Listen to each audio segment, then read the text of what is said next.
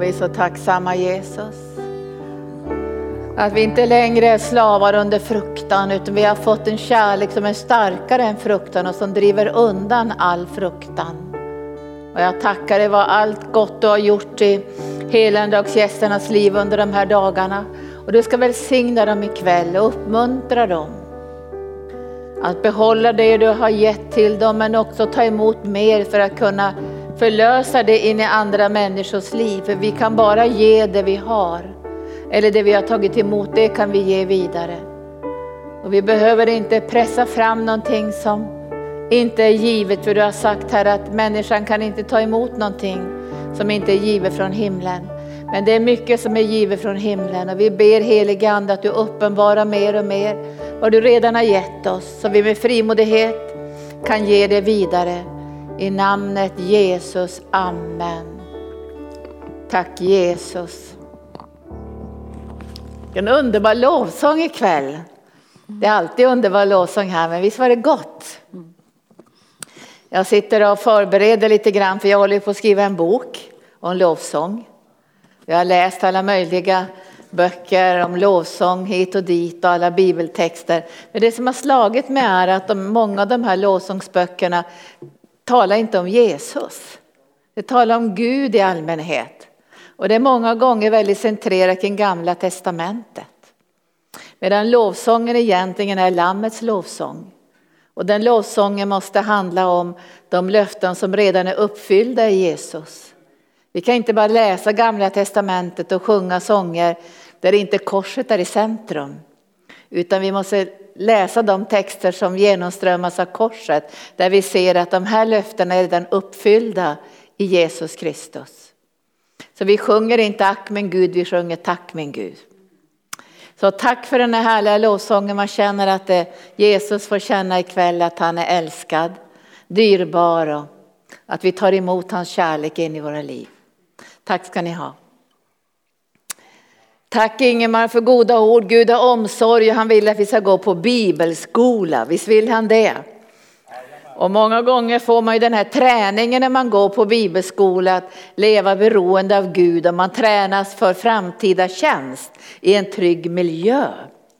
Och det är så här att Gud, han, eller Jesus, han säger till, till Märta när hon springer omkring och oroar sig för många saker så säger han till henne, Marta, Marta, du bekymrar dig och oroar dig för så mycket. Men bara ett är nödvändigt. Många saker är viktiga i vårt liv, men det finns en sak som är nödvändig och Jesus säger till Marta så här, Maria har valt den goda delen och den ska inte tas ifrån henne. Du vet Jesus tog ju bortåt 30 år för att verkligen lära känna Gud på djupet. Veta hans vilja, vilka gärningar han skulle göra, hur han skulle flöda i den heliga ande och ge en sann uppenbarelse om Gud. För det hade ju gått sönder efter syndafallet och gamla testamentet var ju också en skugga av Guds vilja och det var löften som talade om framtiden. Det kommer att bli bättre i framtiden, Jesus kommer att komma, frälsningen kommer att bryta fram. Och ehm, um, 30 år är en ganska lång tid, men när han samlade sina lärjungar omkring sig gav han dem tre år av intensiv undervisning. Och det verkar som att Jesus har samma tema idag. Tre år. Jag tycker att det är väldigt viktigt att man tar de här tre åren, inte bara som en teologiutbildning på ett universitet, men tre år för att lära känna Jesus och sitta vid hans fötter. Och Maria hon valde den här goda delen, den bästa delen och Jesus vakar över den. Det var så härligt att höra när Ingemar berättade att de hade valt att gå på bibelskola och bodde i en husvagn. Guds omsorg. Så när du säger ja till Herren att gå på bibelskola så finns Guds omsorg med dig där. För det är den allra bästa delen att ta den här tiden och investera de här åren inför Guds ansikte för att sen med frimodighet gå ut i tjänst. Och jag satt och, jag ska, det här ska jag inte predika ikväll, jag bara ska säga någon sak till. Jag ska säga om det här med viloplats. Det var så bra när du sa Ingemar och berättade om de olika erbjudanden som vi har på Sjöhamra gård. Sjöhamra gård är ju en viloplats. där man ska få lära sig att be. Lärjungarna frågade Jesus hur ska vi be och så lärde han dem att be. Man behöver faktiskt vila för att lära sig att be tillsammans med Jesus. Och ehm, det finns en viloplats hos Jesus. Jag tycker det är en fantastisk möjlighet att få dra sig undan några dagar och vara i stillhet och retreat inför hans ansikte. De onda andarna har ingen viloplats. Det finns ingen viloplats för dem, för de kan inte ta emot någonting längre än ondska, mörker, förstörelse, nedbrytande krafter. Och när de har lämnat en människa så står det i Bibeln så här att de går ut i öknen för att hitta en viloplats, men de hittar ingen. Och det är väldigt tråkigt när man söker en viloplats, man hittar ingen viloplats i den här världen. Och det är faktiskt så, det finns ingen verklig viloplats i den här världen annat än hos Jesus. Och vi lever ju varje dag med Jesus och vi sjunger lovsånger och vi lyssnar på Guds ord. Men man kan behöva den där tiden att dra sig undan under några dagar och säga till Herren, nu kommer jag prioritera bara dig och söka ditt ansikte. Stänga ut alla ljud, allting som distraherar och bara ta den här tiden. Då är det också lättare för Herren att tala in i våra liv och vi får fördjupa den här andliga kärleksrelationen. Jag hoppas du har haft fina dagar du som har varit med oss på helande dagarna på nätet. Och jag hör ju goda rapporter hela tiden om hur Gud verkar och hans ande verkar och Guds ande får förvandla. Och det är skönt också för oss sen när vi läser de här rapporterna att få höra vad Gud har gjort så skicka gärna in ditt vittnesbörd så vi får glädja oss här på arken bland alla, all personal och alla förebedjare som är i tjänst i förbönstjänsten. Och ikväll kommer vi också ge utrymme för förbönstjänsten så att du kan ta emot ifrån Gud. Vi behöver tid för att ta emot ifrån Gud och det är det jag ska tala om ikväll. Man kan inte ge någonting som man inte har tagit emot ifrån Gud. Man kan inte ge det vidare. Och när åren går och man tjänar Herren så kan man känna att man kommer in i en tomhet. Att man har svårt att ge. Och då måste man ställa sig frågan till sig själv, har jag glömt bort att ta emot? Därför man kan bara ge det man har tagit emot. Och ibland glömmer man bort vad man har tagit emot. Och då har man svårt också att ge det vidare. Och Herren vill ju att vi ska ge det vi har tagit emot ifrån honom. Vi kan inte ge frid om vi inte har tagit emot frid. Då blir det ganska kristat, eller hur? Eller vad säger ni? Det går inte att ge frid om inte man har tagit emot det själv först. Man kan ju ta emot frid bara för egen del och det tycker man det räcker att jag får lite frid. Men Herren har ju kallat dig med att vara tjänst och vi ska förmedla den här friden in i andra människors liv. Och vi kan inte heller ge glädje om vi inte har tagit emot glädje själva. Och det, det, är svårt att ge glädje om inte man har tagit emot glädje. Man kan ju alltid försöka pressa fram någonting. Liksom låtsas vara glad en liten stund och sen faller allting ihop och det krackelerar. Men man kan ju ta emot glädje så det blir ett överflöd av glädje som man kan ge vidare. Och Herren påminner oss ikväll, glöm inte att ta emot. Och glöm inte vad du har tagit emot. Och glöm inte att du kan fortsätta att ta emot. Och glöm inte att Gud har massor med goda gåvor som han vill ge till dig som du ska få ge vidare. Men det är väldigt jobbigt när det stannar upp. Jag tror du har upplevt det och jag har upplevt det och alla som tjänar här i arken har också upplevt det. Att det är svårt att ge vidare därför att man har glömt bort att ta emot. Och särskilt när man börjar komma ut i tjänst. Man ska be för andra, man ska predika, man ska tjäna. Då måste man stanna upp och ta emot. För det, det, är svårt att ge ut om man inte har stannat upp och ta emot. Och det är därför jag var så ivrig under de här åren att få tag på ett hus så vi skulle kunna starta ett retreatcenter. Därför det är inte bra när det torkar upp i våra liv och vi känner att vi går på tomgång. Min dotter sa så jag har fått en varningsskylt som blinkar, det står så här att, att oljan har tagit, tagit slut. Emot honom, jag sa men hjälp du måste skynda dig nu till att få ny olja för att annars kan hela motorn skära. Och det kommer att kosta jättemycket att byta motor. Jag vet inte så mycket om det där men det var någon som sa till mig en gång att, att när motorn skär då är du ute. det var för lite olja. Och då kan allting skära. När vi ska ge glädje så blir det bara irritation, när vi ska ge frid så blir det bara stress. Och när vi ska ge godhet så blir vi på dåligt humör därför att vi har glömt att ta emot ifrån Gud. Och det är därför jag tycker att det är så otroligt viktigt med retriten och att det finns olika former av retreat och att det finns olika möjligheter att ta emot helande i helande dagar. Men retriten är ju lite speciell därför att den har ju betoningen på stillhet. Att man får den här tiden att fokusera på att möta Jesus och ta emot ifrån Jesus och bli trygg i det här mottagandet. Och vi ska titta på några texter, texter ikväll när lärjungarna är så här frimodiga. Och de säger det vi har det ger vi till dig. Och min fråga är ikväll både till mig själv och till er och till hela kristenheten om jag skulle säga det. Vad har vi att ge vidare?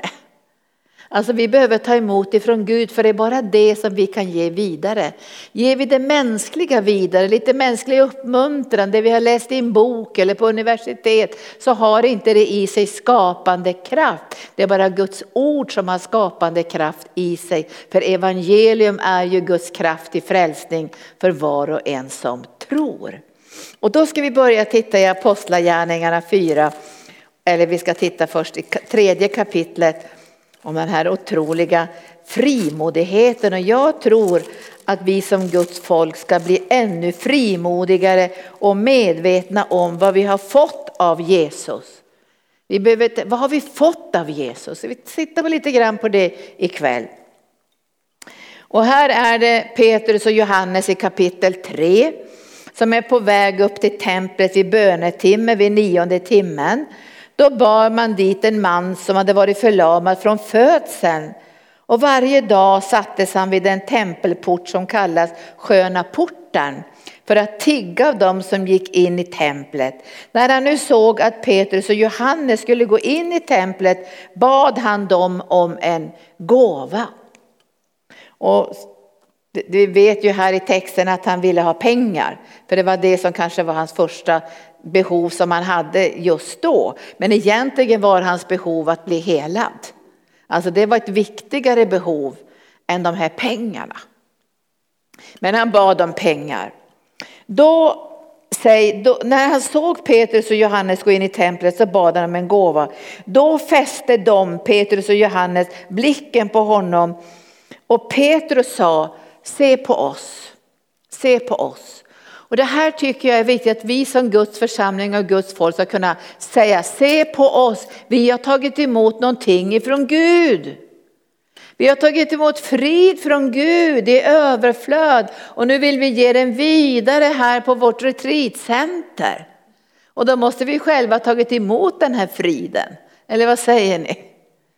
För att kunna ge den vidare. Och vi måste lära oss att ta emot och vi behöver lära oss att, att få det här tungotalet i rörelse på insidan så källan börjar flöda. För ibland har vi tagit emot saker ifrån Gud men vi har glömt bort det. Eller det har inte manifesterat sig. Det har inte liksom satts i rörelse in i våra liv. Och här säger de här, de här lärjungarna, Petrus och Johannes, se på oss. De säger inte så här, se på Jesus. De säger se på oss. Och man tänker vilka högmodiga typer, se på oss. Men det de säger egentligen, se på oss, vi är förenade med Jesus.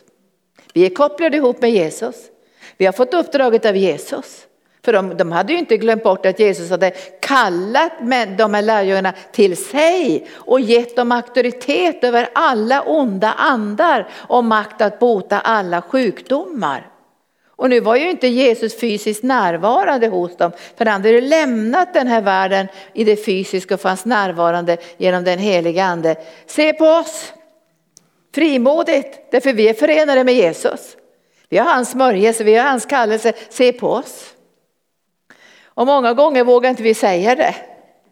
Se på mig, jag är som en trasa. Se på mig, jag är helt tom. Se på mig, jag har gått i väggen två gånger. Se på mig, jag är helt förtvivlad. Alltså det blir en slags desperation.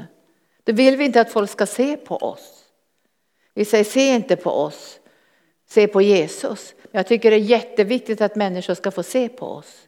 Och vi håller på nu med upprättelseprogrammet där vi säger att den helige ande har bestämt att du och jag ska bli lika Jesus. Han har bestämt att vi ska förvandlas till hans avbild.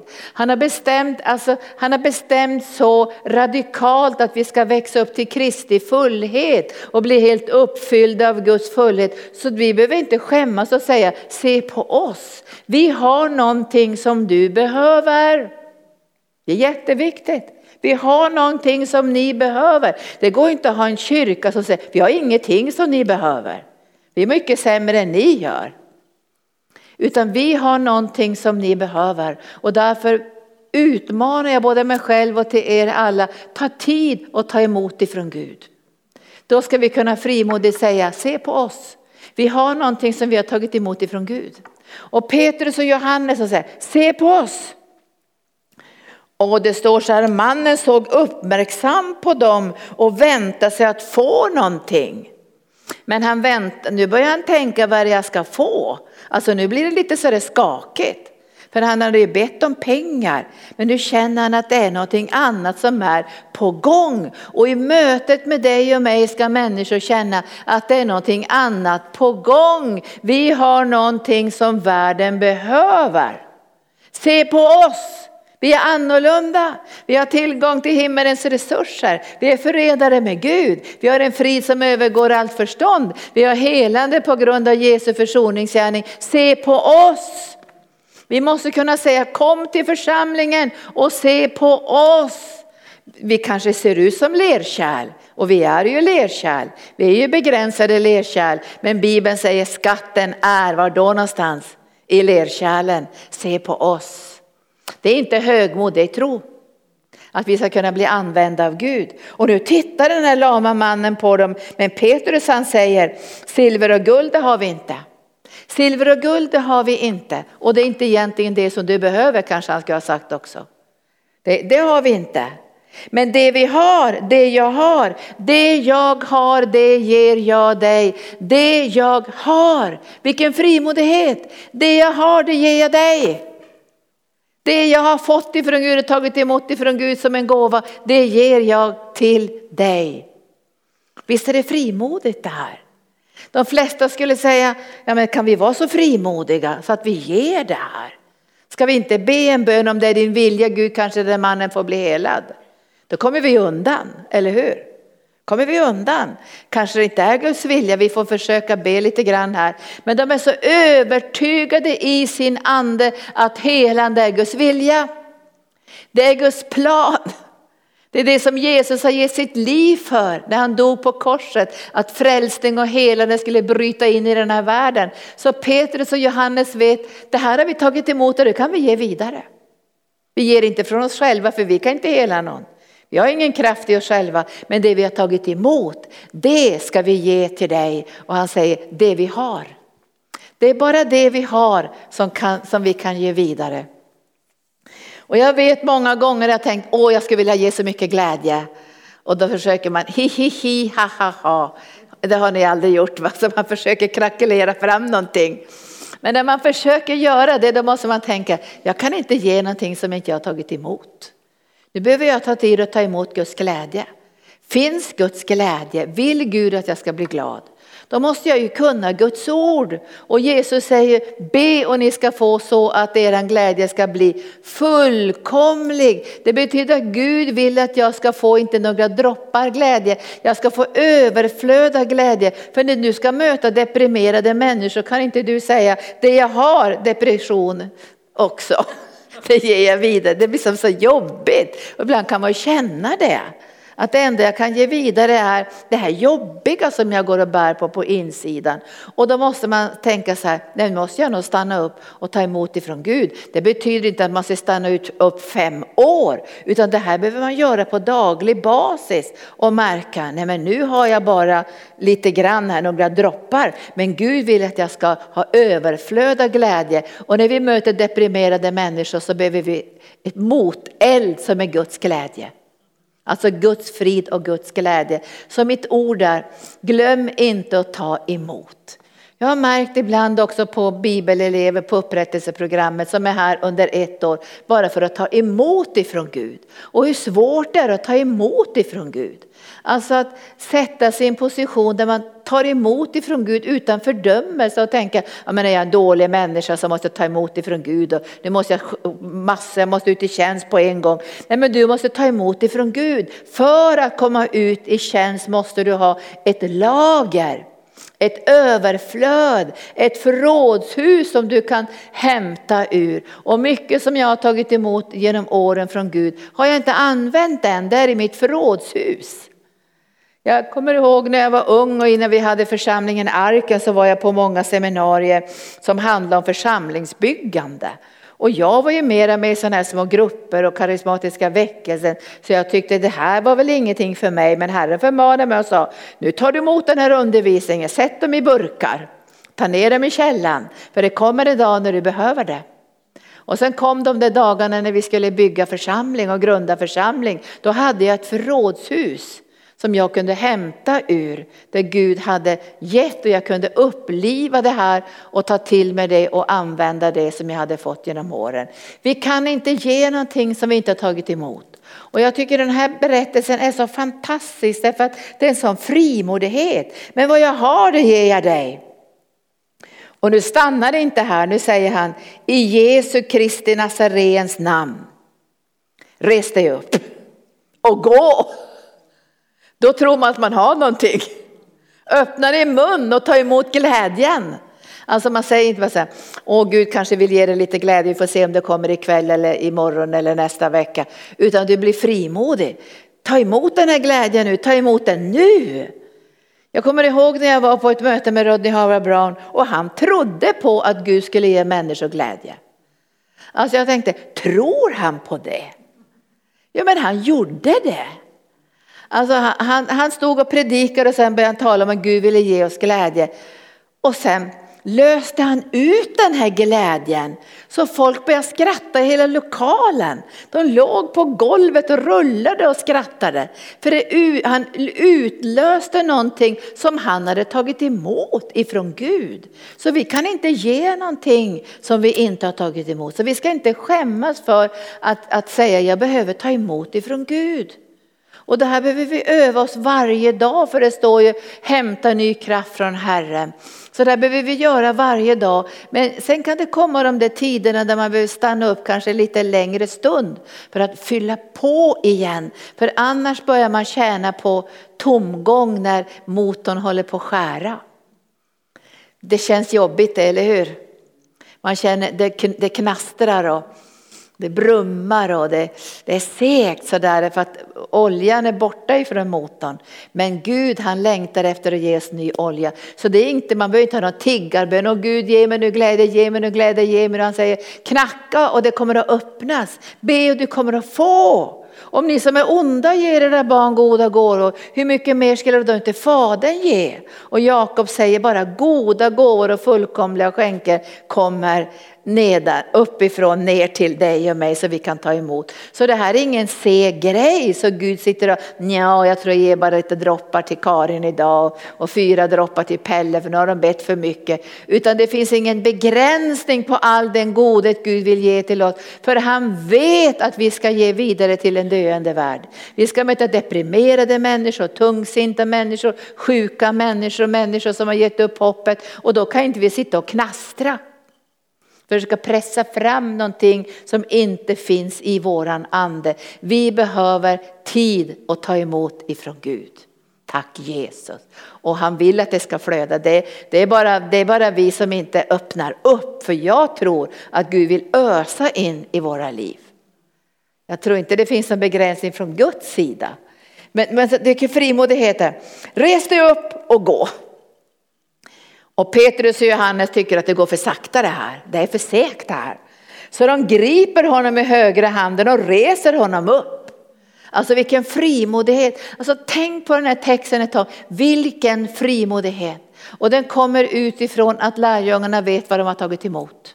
Och hur de kan använda det som de har tagit emot, att de kan lösa ut det.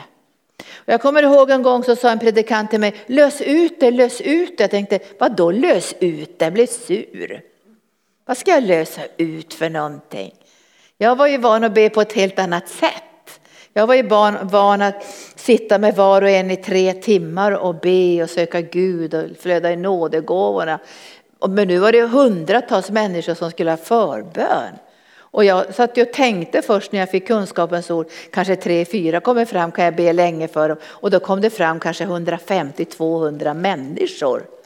Och hur skulle jag kunna be för var och en? Lös ut, sa predikanten åt mig. Lös ut. Och då tänkte jag, hur kan jag lösa ut? Och då slog det mig bara i mitt hjärta, men Jesus har ju helat de här människorna. Helandet är ju givet. Och han har ju planterat det i mig genom tron att jag ska ha en helande tjänst. Ja men då kan jag väl lösa ut det då. Och jag tror att vi kan komma till en sån frimodighet att vi löser ut det också på ett praktiskt sätt. Det gör vi ju ofta. Res dig upp, rör på dina ben. Känn efter i dina armar, har det skett någonting? Därför vi tror på att när vi har löst ut någonting genom den helige ande som är givet genom försoningen, då blir det en verklighet. Men det som har hänt många gånger i våra liv och i kristenheten är att tron sjunker undan. Vi förväntar oss inte längre att Gud ska göra någonting, för vi är osäkra på vad har vi tagit emot ifrån Gud. Vad har vi tagit emot ifrån Gud? Och vi kan ju inte ge någonting vidare som vi inte har tagit emot ifrån Gud. Alltså om man sitter på Sjöhamra gård som ledare och sen ska man lösa ut friden. Då måste man ju känna så här, har jag tagit emot den här friden? Jag kan inte lösa ut någonting som inte jag har tagit emot ifrån Gud. Då får jag be på ett annat sätt. Då får jag lägga undan mig själv och säga tack Jesus att du är här. Fyll mig också med frid som du fyller de andra med frid. För då kan jag inte sitta och ljuga.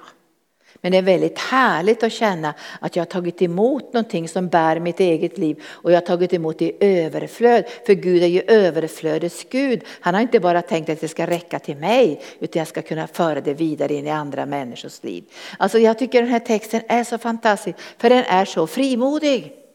Res dig upp! Tar honom i handen och, han, och genast får mannen styrka i fötter och vrister. Och han hoppar upp och står, står upprätt och sen börjar han gå och följde dem in i templet där han gick runt och hoppade och prisade Gud. Alltså här vart det ju en otrolig glädje. Det står så allt folket såg hur han gick omkring och prisade Gud. Och när de kände igen honom som mannen som brukar sitta och tigga vid sköna porten utanför templet fylldes de av bävan och förundran över det som hade hänt honom. Jag tänker ibland så här. Blir människor som möter oss fyllda med bävan och beundran? Alltså jag vet att vi är på väg in i det. Därför Gud kommer att öppna våra ögon för allt som han har gett till oss och vi kommer att kunna ta emot det med frimodighet. Alltså människor i mötet med oss ska förundra sig över den medvetenhet vi har fått i våra hjärtan över det vi förvaltar. Vi förvaltar någonting underbart som vi kan ge vidare. Och nu, nu ska vi titta bara och se vad var det fick de det här? Och vi ska titta ifrån när Jesus säger till lärjungarna i Matteus evangelium, då står det här med gåvan. Man kan inte ge någonting som inte man har tagit emot ifrån Gud. Och helande har vi tagit emot ifrån Gud som en gåva på grund av Jesu Kristi död och uppståndelse. Och i Matteus 10 så säger Jesus till lärjungarna, han kallar dem till sig i kapitel i versen 1 i kapitel 10. Han kallar till sig sina tolv lärjungar och så gav han dem makt att driva ut onda andar. Och jag tror att Gud har gett oss makt att driva ut onda andar och det är därför som vi kan aktivera genom tron den smörjelse som lösgör människor från ondskans makter. Och så säger Jesus här, att nu ska ni få makt att driva ut onda andar och att bota alla slags sjukdomar och krämpor. Alltså han gav det till dem för att de skulle lösa ut det med frimodighet. Och jag är inte säker på att vi har kommit fram till den här frimodigheten än, men vi ska in i den här frimodigheten, eller hur? Alltså vi ska mer och mer få den här frimodigheten, så vi ska förvänta oss Att när vi löser ut det som Jesus redan har gett som en gåva så ska det få manifestera sig i människors liv. Och så skickar Jesus ut de här lärjungarna och så säger han, han sände ut de här lärjungarna, står det i femte versen. Och han säger, gå inte till hedningarnas område eller in i någon samaritisk stad. Gå istället till de förlorade fåren av Israels hus. Alltså de skulle gå till det judiska folket. För efter korset skulle ju försoning och frälsning komma till alla människor ut över hela jorden. Men Jesus hade kommit till, till judarna. Men vi ser ju också att han, han kommer ju ut ur den här begränsningen när han möter människor i nöd och så läker han den kananeiska kvinnans dotter och han hjälper den här kvinnan vid Sykars brunn. Så att, men han vet att han har kommit till, till det judiska folket och sen genom sin död ska han nå ut med evangelium ut över hela världen. Och nu läser vi, vad säger han här? Först ska de säga så här, himmelriket är nära. Himmelriket är nära. Och himmelriket, det är ju Guds närvaro i den här världen. Himmelriket är nära. Och sen ska de bota sjuka, uppväcka de döda, gör spetälska rena och driv ut onda andar. Och sen säger han till dem, det ni har fått som gåva ska ni ge som gåva. Det ni har fått som gåva, vad hade de fått som gåva? De hade fått makt och auktoritet över alla onda andar. Men det som är så härligt här, att de trodde på det. De trodde på det. Alltså, jag vet att Herren håller på att verka någonting i våra liv och i församlingens liv och i Kristi kroppsliv. Alltså vi får tro på det som vi har tagit emot genom Jesus Kristus. Alltså vi ska inte prestera det, pressa fram det, försöka åstadkomma det, för det blir så jobbigt att gå ut i själen och köttet och försöka åstadkomma befrielse. Vi kan inte åstadkomma befrielse. Vi kan bara ge den befrielse som Jesus har vunnit för 2000 år sedan på Golgata kors. Den befrielsen kan vi tro på och ge vidare. Därför att den befrielsen ges ju Kristi, Jesu Kristi Nazarens namn. Så löser jag dig från de här onda andarna. I Jesu Kristi Nazarens namn så löser jag dig från spelmissbruk missbruk. I Jesu Kristi Nazarens namn så löser jag det från orenhet och okultismen. I Jesu Kristi Nazarens namn så löser jag dig från depression och tungsinne och ångest och fruktan. I Jesu namn, i Jesu, Jesu Nazarens namn så löser jag den, dig utifrån den gåva som redan är given genom Jesus Kristus. Ta emot den friheten för den är din genom Jesus. Jesus gav dem den här auktoriteten och han har gett den vidare till oss. Han har gett den här auktoriteten till oss och därför säger han ju i Markus 16, gå ut och predika evangelium, kasta ut onda andar. Kasta ut onda andar, det låter ju så jättelätt. Men vi kan inte kasta ut onda andar om inte Jesus har besegrat alla onda andar på Golgata kors. Och därför befriar vi människor i namnet Jesus. Och så säger han att att de ska bota de sjuka, till och med uppväcka de döda och göra spetälska rena. Och sen säger han, det som ni har fått från gåva, det som ni har fått som gåva, det ska ni ge som gåva. Och det här betyder ju att man inte får gå och säga, nu ska, nu ska du ta emot helande här och nu ska du så att man liksom kopplar det på något sätt till några kötsliga eh, saker utan det som du har fått som gåva det ska du ge vidare som gåva och du ska bli medveten om och jag ska bli medveten om att det jag ger vidare det kommer ifrån Jesus, det kommer inte ifrån mig. Det kommer ifrån Jesus. Visst är det frihet när vi tänker på det sättet. Vi blir avslappnade. För det finns väl inget värre när vi kommer in i församlingen i en massa prestation och press. Nu måste vi göra, det måste vi pressa fram liksom tro på att någon ska kunna bli helad och någon ska kunna bli befriad. Utan vi, vi, för, vi ger vidare det som vi har tagit emot genom försoningen. Det kan vi med frimodighet ge vidare till människor därför att då ger vi inte från vårt eget, då ger vi ifrån Jesus. Och därför måste vi påminna oss varje dag, vad har vi tagit emot ifrån Gud och vad kan vi ge vidare? Kan vi ge någonting vidare? Och Jesus säger, det ni har tagit emot som gåva, det ska ni ge vidare som gåva. Och det känner vi igen här i Apostlagärningarna, att det vi har, det ger vi dig. Men det vi inte har, det kan vi inte ge dig. Och det är därför vi behöver ta mycket tid i ordet, mycket tid i bönen för att påminna oss om vad har vi tagit emot ifrån Gud. För människor får inte tro att det kommer ifrån oss, att du är källan till det här. Även om du säger se på mig, så måste du säga jag har någonting som jag har tagit emot ifrån himlen som jag tänker ge vidare till dig. Och det sker många gånger genom handpåläggningen. I Apostlagärningarna 19 så, så, frågar ju, så frågar aposteln så här, tog ni emot den helige ande när ni, när ni blev döpta? Och då säger de, men vi, vi, vi har aldrig hört talas om den helige ande. Vilket dop har ni fått? Och det är Johannes dopet, men då ska ni bli döpta i Jesus Kristus. För då har vi ett löfte om att ni ska få en gåva. Ni ska få en gåva då, när ni är döpta i Jesus Kristus. Ni ska få gåvan att bli doppade i helig ande och bli andedöpt. det är en gåva. Det är ingenting som vi presterar, det är en gåva. Och det är väldigt skillnad på att prestera och ta emot en gåva.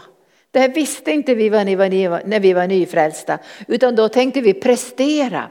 Och jag kommer ihåg vi bad en hel natt och bad och ropade till Gud, ge oss tungotalet, fyll oss med den heliga ande. Och vi var hemma hos en en härlig predikant och det var tre på morgonen kom han ner och sa, vad ni skriker sa han. Tapeterna håller på att rulla ner. Och då sa vi, vi håller på att skrika för att få den heliga ande.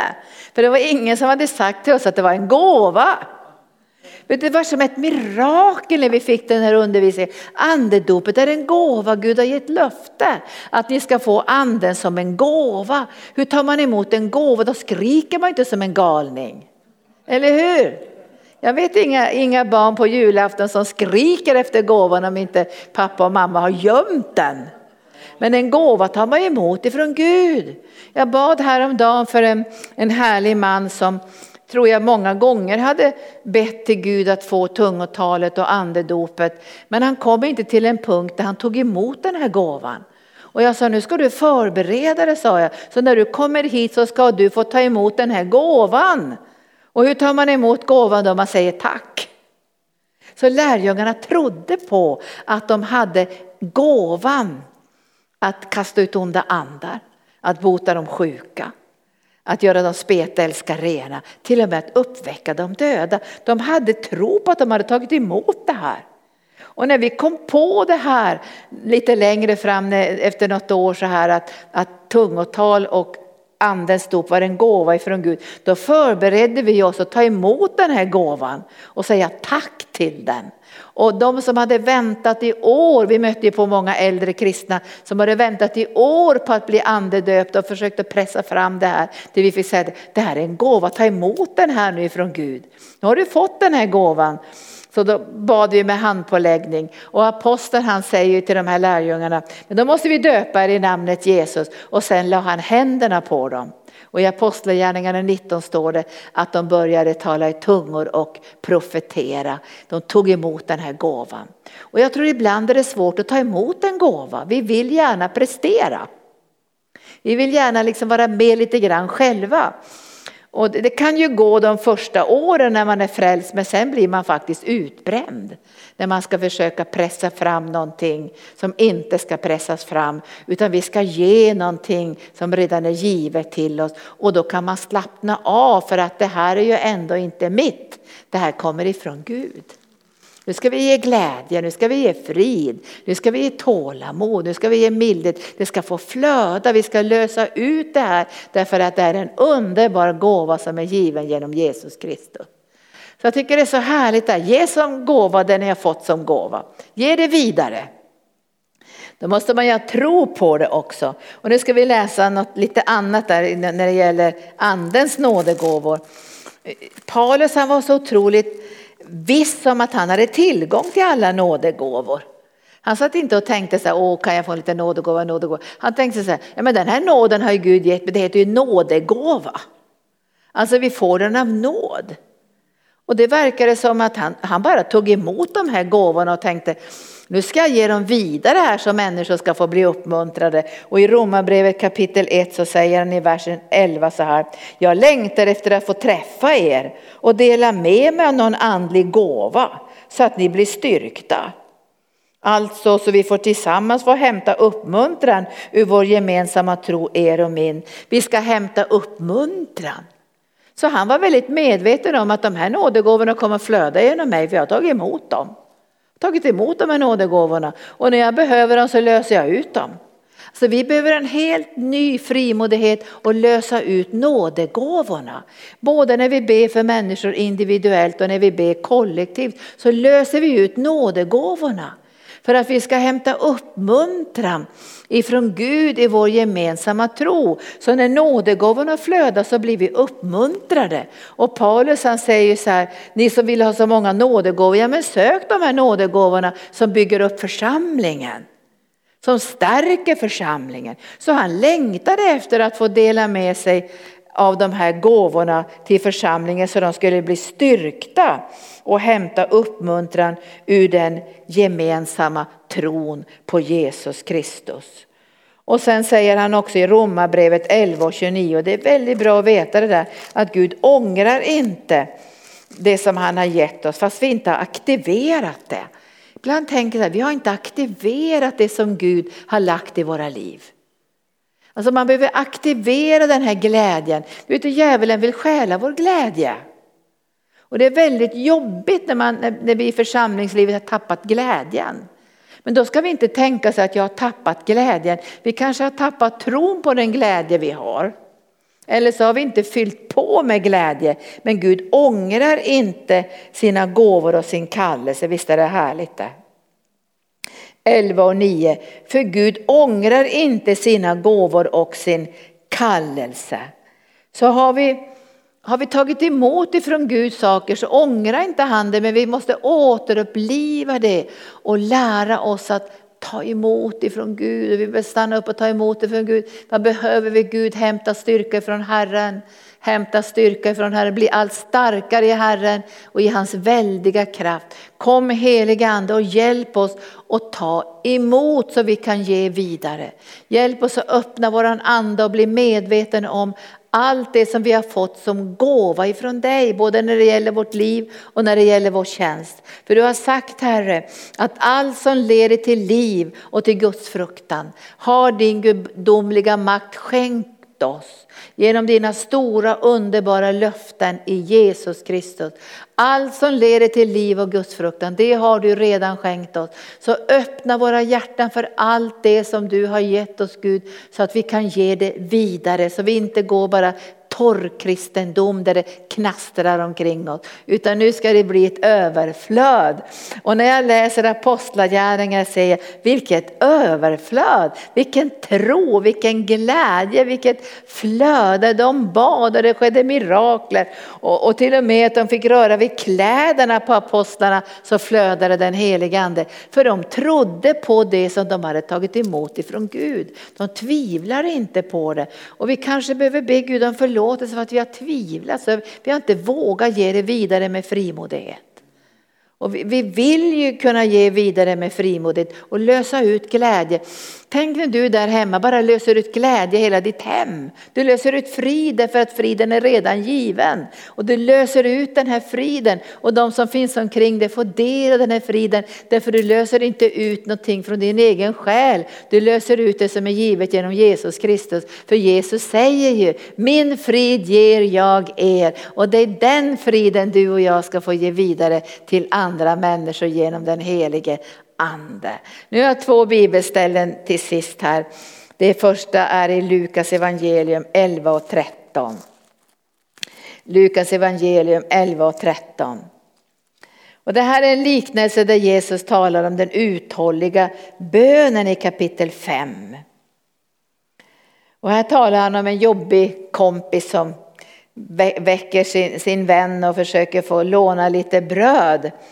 Och då svarar vännen så här, stör mig inte, dörren är redan låst och mina barn och jag har gått och lagt oss. Jag kan inte gå upp och ge dig någonting. Då säger Jesus så här, även om han inte skulle gå upp och ge honom någonting för att det är hans vän, så kommer han att gå upp och ge honom allt han behöver för att han är så oförskämt järv. Visst var det bra ord det där? Han är så of, oförskämt järv. Alltså jag tror att Gud vill att vi ska vara oförskämt järva, kanske inte oförskämt men vi ska vara verkligt järva. Vi ska vara järva utifrån att vi tror på det som Gud har gett oss. Och då får vi en järvhet. Alltså man kan ju få en järvhet utifrån sin egen själ för att man är en frimodig människa. Men det håller ju inte. Men järvhet därför att man, att man vet vem Jesus är och att han aldrig skulle hindra oss att, ta, att ge oss det som han redan har gett oss. Han ska inte hålla tillbaka det eller hålla tillbaka det som han har gett till oss som vi ska ge vidare till andra människor. Och han tycker om när vi är järva. Därför säger han så här, be och ni ska få. Sök och ni ska finna, bulta och dörren ska öppnas för er. För var och en som ber han får och den som söker han finner. Och för den som bultar då ska dörren öppnas. Finns det någon far ibland er som ger sin son en orm när han ber om en fisk? Eller en skorpion när han ber om ett ägg? Om ni nu som är onda i förhållande jämförelse med Gud förmår att ge era barn goda gåvor, hur mycket mer ska då inte er far i himlen ge den heliga ande åt dem som ber honom? Och i den heliga ande finns allt det där som Jesus har vunnit på Golgata kors genom sin seger. Den är vår.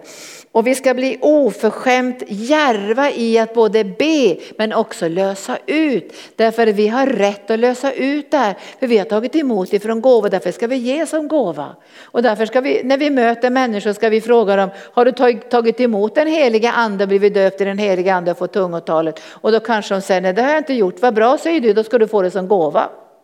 Jag ska lägga handen på det och du ska få det som gåva. Därför jag har tagit emot det här som gåva och nu kan jag ge det vidare till dig som en gåva. Och samma sak med helande. Om du frågar någon hur mår du, har du ont någonstans och säger ja, jag har ont i, i ryggen, då ska du säga ja men då ska jag lägga handen på dig så ska du få den här gåvan från Gud som är helande så att du, blir, du ska bli oförskämt järv. Alltså vi tycker ju om människor som är järva i den heliga ande, inte människor som är oförskämda och bara oförskämda och, och fräcka. Men när människor börjar bli frimodiga i den heliga ande och löser ut saker så längtar vi efter det. Alltså vi längtar efter att någon ska få tro på det som Jesus har gjort på korset och lösa ut det ibland oss. Och det ska vi börja göra. Och den heliga ande ges inte med begränsning, han ges utan begränsning, för Gud är god. Och sen står det i Jakob 1 och 17, det kan ni redan. Jesus han ger inte en sten när vi ber om ett bröd och en skorpion när vi ber om en fisk. Så det kommer ingenting ont ifrån Gud utan bara goda gåvor. Och det står i Bibeln att, att vi behöver hela evigheten för att få del i allt det goda som Jesus har gett oss genom den heliga ande. Hela evigheten behöver Gud för att uppenbara all godhet i Jesus Kristus. Och nu läser vi ifrån Jakobs brev 1 och 17. Allt det goda ni får och varje fullkomlig gåva är från ovan. Varje fullkomlig gåva är från ovan.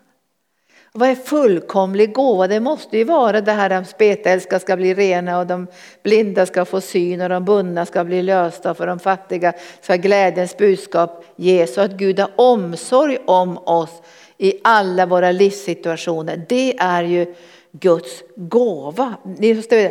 Allt det goda ni får och varje fullkomlig gåva är från ovan. Det kommer ner från ljusets far som inte förändras eller växlar mellan ljus och mörker.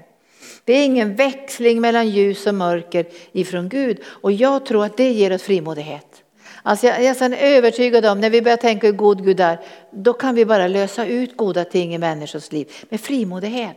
Vi löser ut helande, vi löser ut frihet, vi löser ut upprättelse, vi löser ut det i tro. Och då måste ju de som, som tar emot det här, får tro i sina hjärtan att ta emot den här gåvan.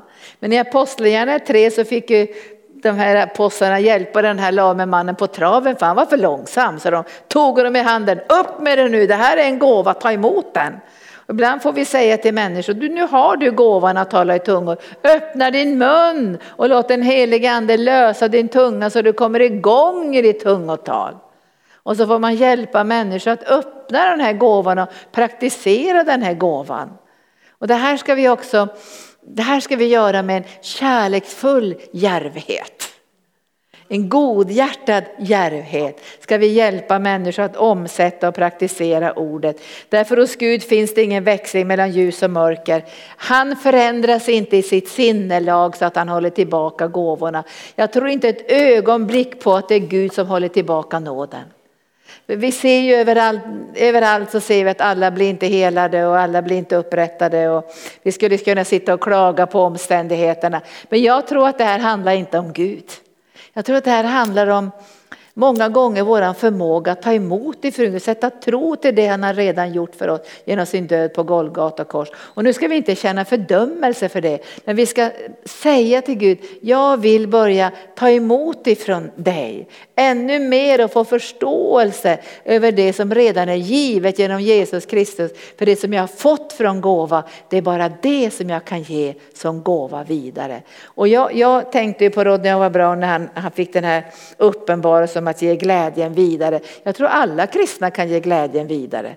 Jag tror inte vi behöver vänta på att nu måste det komma en predikant från Amerika för att lösa ut glädje.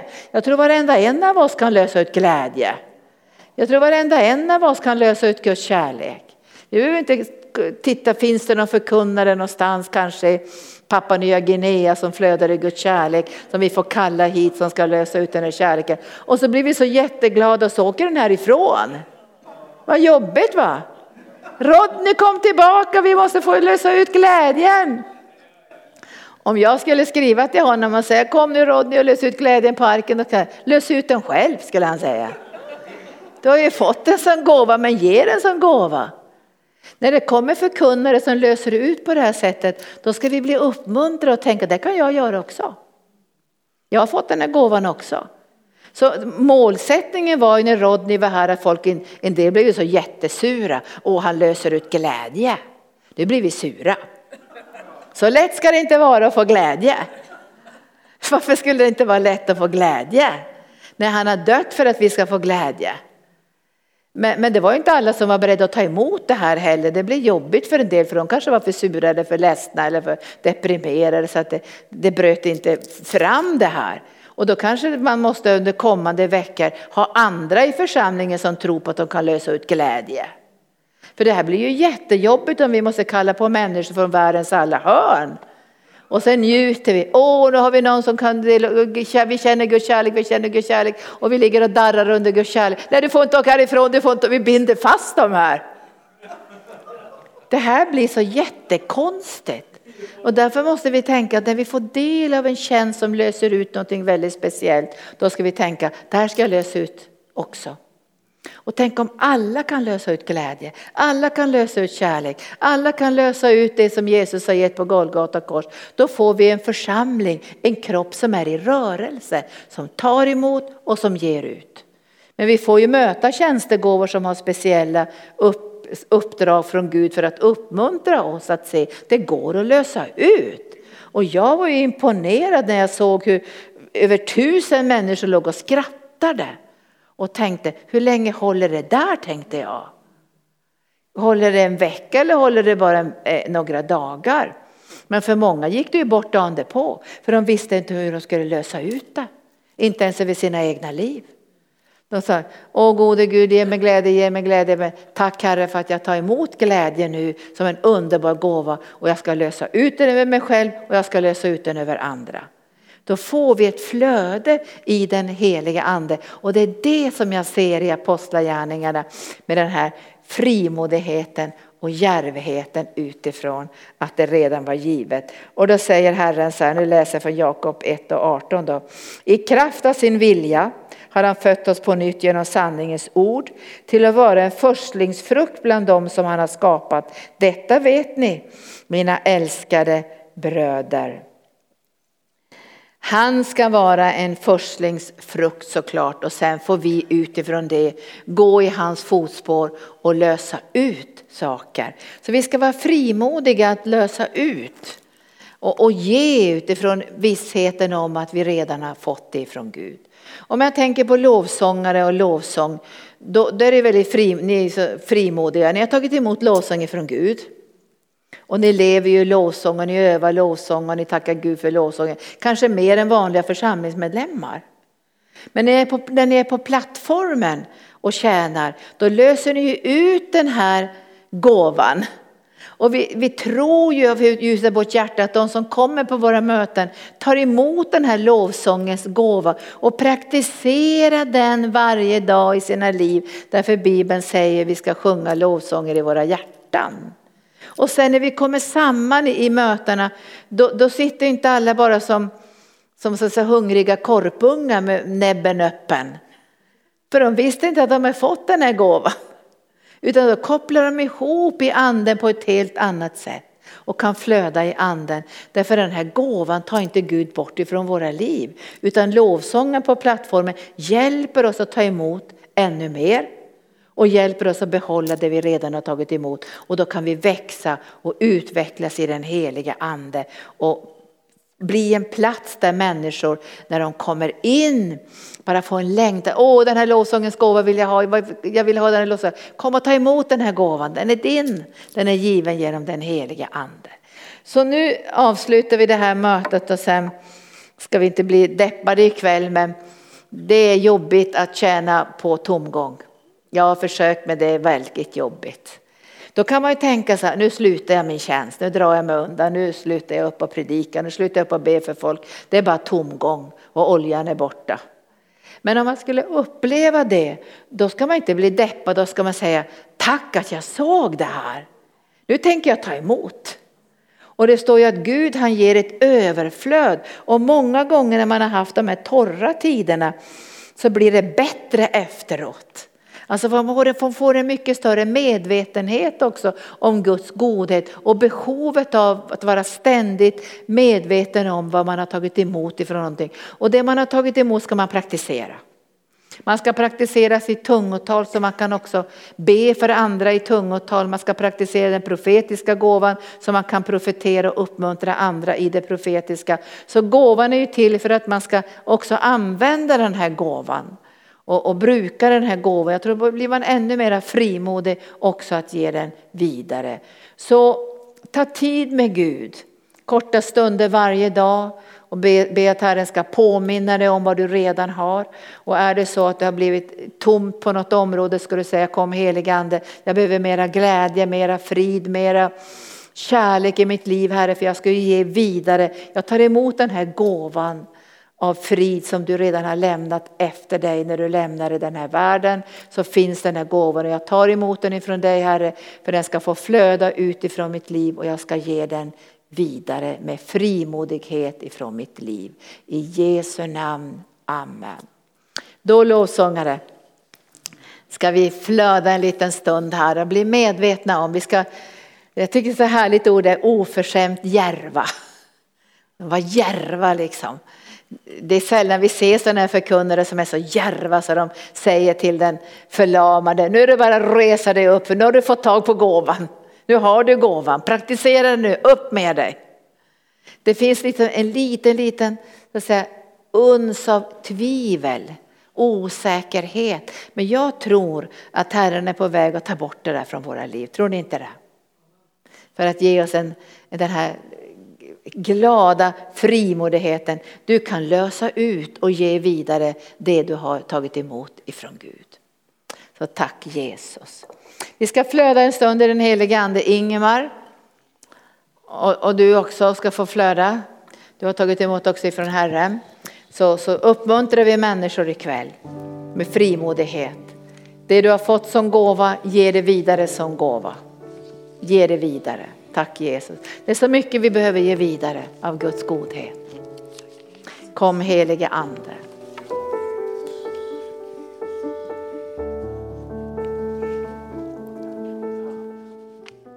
Tack Jesus, tack Jesus, tack Jesus.